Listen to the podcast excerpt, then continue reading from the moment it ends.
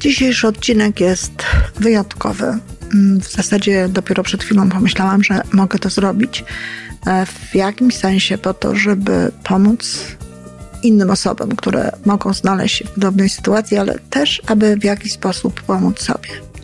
W tym momencie moja córka od kilkunastu minut jest na sali operacyjnej. Ma operację. No, kiedyś te operacje były uznawane za bardzo poważne operacje. Dalej, operacja to jest zawsze operacja i choć spodziewamy się wszystkiego najlepszego i spodziewamy się, żeby było dobrze, no to różnie to bywa. W związku z tym nie ma w tym nic dziwnego, że matka y, przeżywa y, w tym momencie stany no, jakiegoś niepokoju, stany jakiegoś y, może nawet lęku. Wiem o tym, od kilku dni wiedziałam o tym, że Magda będzie miała tę operację i no, w zasadzie od kilku dni radziłam sobie z myślami, radziłam sobie z pewnymi rzeczami, które no, gdzieś tam do mnie przychodziły. I tak teraz, w tym momencie, pomyślałam sobie, że zrobię taką audycję w, tym, w tej sytuacji, żeby oderwać się myślami od tego, co dzieje się tam. Modliłam się wystarczająco dużo, znaczy wystarczająco dużo. Dużo się modliłem. To nie jest tak, że, że przez cały czas mm, trzeba się koncentrować nad tym, trzeba się koncentrować na tej sytuacji. Wysyłam Magdzie dobrą energię, wysyłam jej dobre rzeczy, ale pomyślałam sobie też, że, że może dobrze będzie, jeżeli oderwę się od tego w jakiś sposób. E, dlaczego tak sobie pomyślałam? No pomyślałam sobie przede wszystkim dlatego, i to też bardzo łączy się z Magdą, że wiele lat temu no, prawie 40 tak naprawdę, e, była bardzo, sytuacja była no, gorsza niż teraz, bo teraz spodziewamy się wszystkiego najlepszego e, po tej operacji, natomiast dowiedziałam się prowadząc lekcje w szkole, że moje dziecko miało wypadek i tak naprawdę nie wiadomo, czy żyje. Nikt nie wie, czy żyje. Zebrało ją pogotowie i nie wiadomo, co się stało, co się dzieje z tym dalej. Pamiętam wówczas moją reakcję na to, yy, co się, co się zdarzyło, niezależnie od tego, że próbowałam dopytać dzieci, jak to wyglądało, czy mówiła, czy się ruszała i tak dalej.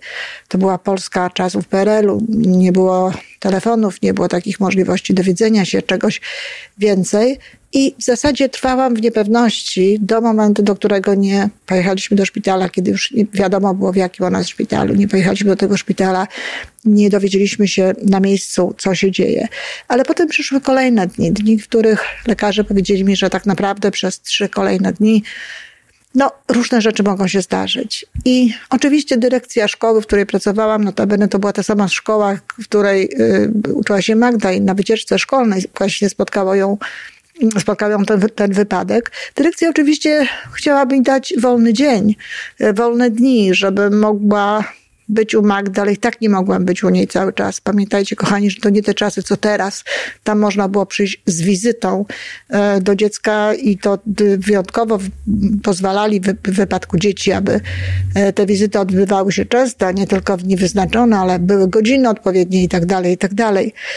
I pamiętam, że właśnie wtedy podjęłam taką decyzję, że nie, ja nie chcę wolne dni, ja chcę pracować, chcę robić to, co, co jest związane jakby normalnie z moim życiem. E, I to była dobra decyzja, dlatego że naszym myśleniem i naszym myśleniem e, lękowym, naszym myśleniem takim, no, z obawami, nie najlepszym, wcale nie pomagamy tym ludziom. Pomaga modlitwa, pomaga dobry nastrój, e, pomaga wiara w to, że będzie dobrze, pomaga wysyłanie dobrej energii, pomaga koncentrowanie się na, na, na, na tej sytuacji, na, w tamtym wypadku na dziecku, dziś też na dziecku, tylko mocno już dorosłym, no w, w rodzaju takiej energii budowania płaszcza ochronnego wokół niej, wysyłania jej e, takich właśnie dobrych, dobrych wibracji, ale też bardzo ważną sprawą jest to, żebym ja miała te wibracje dobre, żeby moje wibracje wibracje były pozytywne, żebym ja nie ulegała temu lękowi.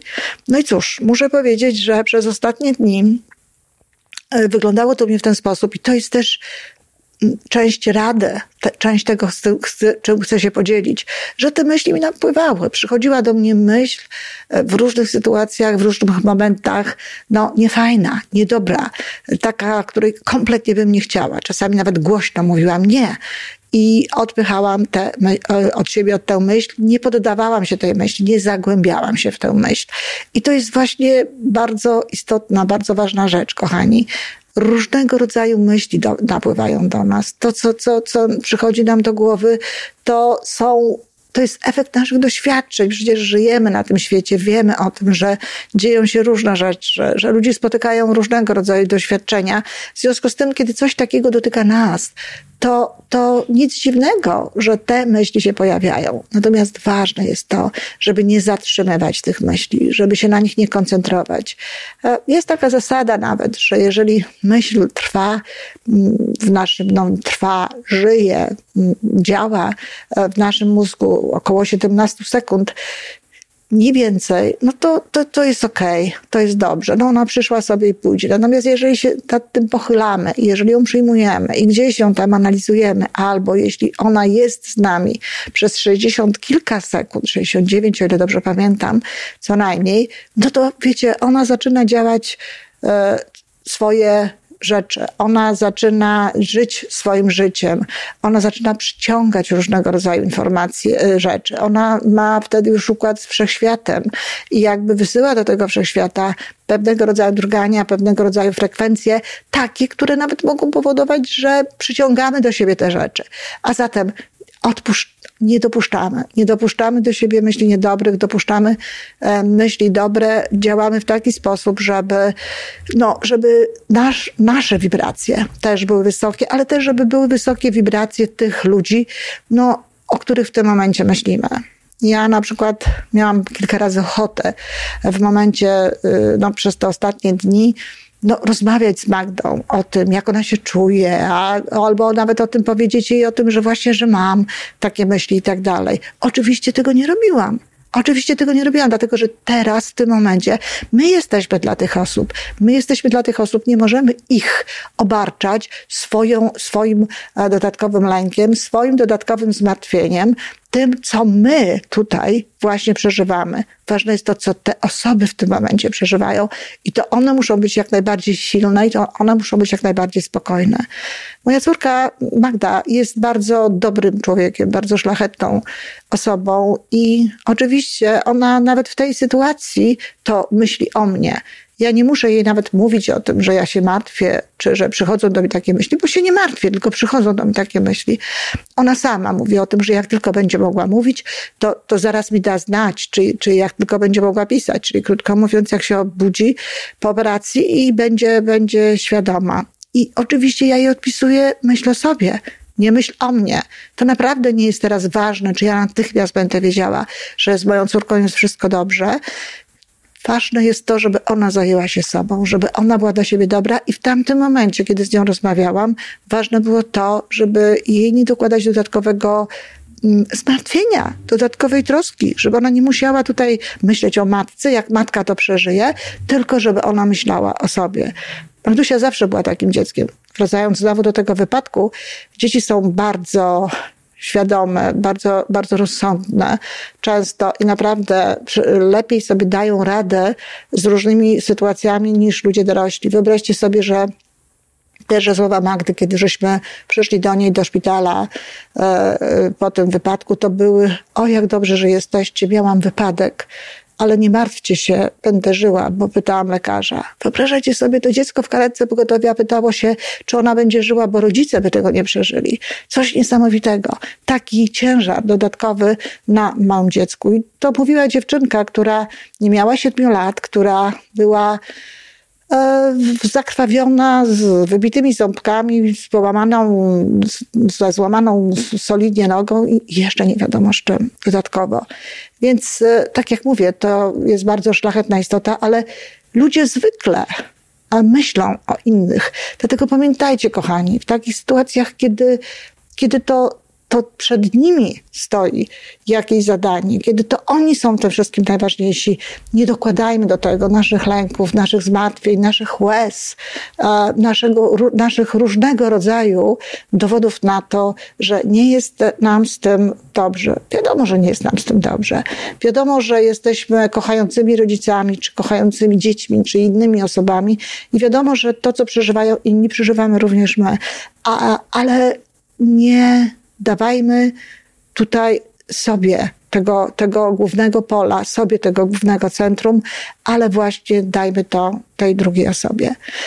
Magda ma operację. Magda ma operację. Ja dzielę się tym z wami w tym momencie, co można zrobić. Można zająć się czymś dobrym, można zająć się czym, zrobieniem czegoś innego, stosownego, żeby odwracać myśli od tego. Ale z całą pewnością bardzo dobrą, dobrą sprawą jest no, modlitwa, o której już mówiłam wiele razy, że ma to duże znaczenie, bo jest to rodzaj nie tylko kontaktu z Bogiem w, w, sytuacji, kiedy ktoś jest wierzący, ale też rodzaj pewnej dobrej energii, wiary, którą e, gdzieś wysyłamy, ale też taka energia innych ludzi. Ja napisałam o tym na Facebooku. Napisałam na Facebooku, że Magda ma operację, proszę o wsparcie, proszę o dobrą energię. Słuchajcie, mnóstwo życzeń, mnóstwo serduszek, mnóstwo obietnic o e, miłości, o przesyłaniu tej miłości, o przesyłaniu dobrej energii, o y, modlitwie.